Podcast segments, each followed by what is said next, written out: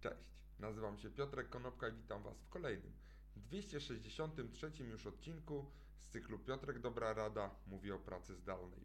Dzisiaj powiem kilka słów na temat tego, jak można obalić mit związany z nieproduktywnością. Przede wszystkim na początku wyobraźcie sobie taką scenkę. Blat kuchenny, kuchnia, kot, dzieci, trochę jedzenia, zamieszanie czy ten widok może być związany w ogóle z produktywnym pracownikiem pracującym zdalnie? Dlaczego ludzie w ogóle myślą, że ta praca zdalna jest nieproduktywna? Po pierwsze, bo ona była nieproduktywna. Praca zdalna pojawiła się tak naprawdę w latach 70. po raz pierwszy, ale wtedy to były pierwsze kroki związane głównie z teoriami albo jakieś prace testowe, które można było wykonywać zdalnie.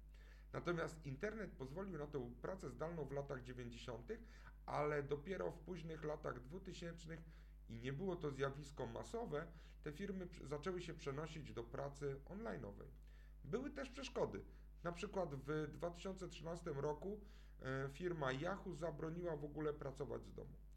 Ludzie bowiem zakładali, że problem leży w pracownikach, a nie w infrastrukturze, która ich wspierała. Ale pamiętajcie, że bez komunikacji ta praca zdalna w ogóle nie działa. Ludzie muszą móc rozmawiać ze swoim kolegą na drugim końcu świata, na Teneryfie czy w odrębnym budynku, tak samo łatwo jak z kolegą z biurka obok. To wymaga technologii, która wówczas w przeszłości nie istniała. Teraz, gdy są Zoomy, Teamsy i cała masa różnego rodzaju komunikatorów, jest to możliwe. Ale to jest ten element, który jest łatwy do zrozumienia. Teraz druga sprawa. Tradycyjny czas pracy od 9 do 17. I warto sobie zadać pytanie, czy jest w ogóle możliwy rozwód z tym 40-godzinnym tygodniem pracy, który mamy gdzieś mocno wdrukowany w naszą głowę, tak naprawdę od XIX wieku. Badania Uniwersytetu Stanforda, link oczywiście znajdziecie na dole, pokazują, że ludzie są o 16% bardziej produktywni, gdy pracują zdalnie. I w rzeczywistości też jest tak, że ludzie nie mogą być produktywni dłużej niż przez 4 godziny dziennie. Jeżeli pracują z domu, to nie pracują tych 8 godzin, do których jesteśmy przyzwyczajeni, ale i tak realizują więcej zadań.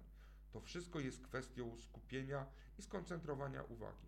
Więc jeżeli firma przestawia się na pracę zdalną, musi porzucić mm, ten starożytny tak naprawdę e, harmonogram pracy od 9 do 17. Zamiast tego warto wprowadzić kamienie milowe, czy jakieś cele do osiągnięcia, a nie te standardowe dupogodziny, które przewijają się przez odcinki Piotrka Dobrej Rady. A jak w ogóle zbudować tą prawdziwą produktywność w pracy zdalnej?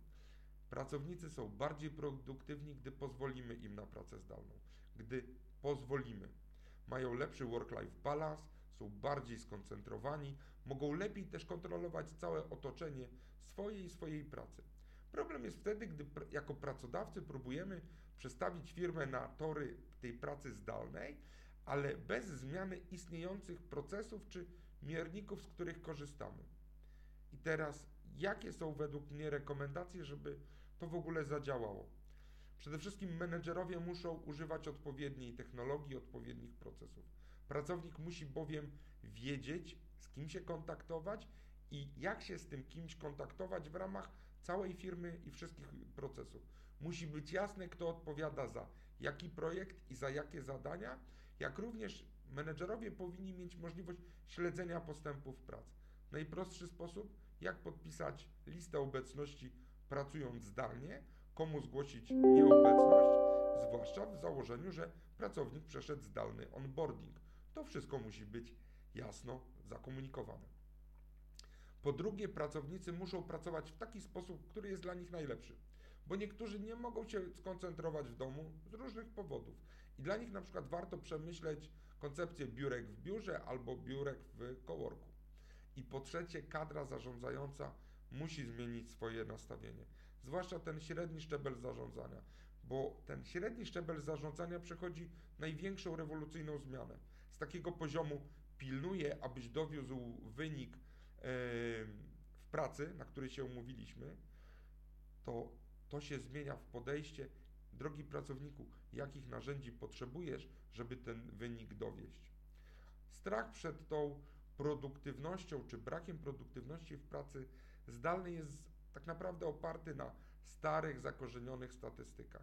Jeżeli zatrudnisz właściwych pracowników, to firma y, będzie miała o wiele więcej korzyści, jeżeli tym osobom zapewni odpowiednią dozę elastyczności.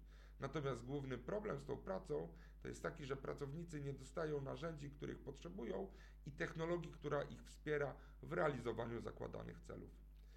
Dzięki serdeczne, do zobaczenia i usłyszenia we wtorek po długim weekendzie majowym. Na razie.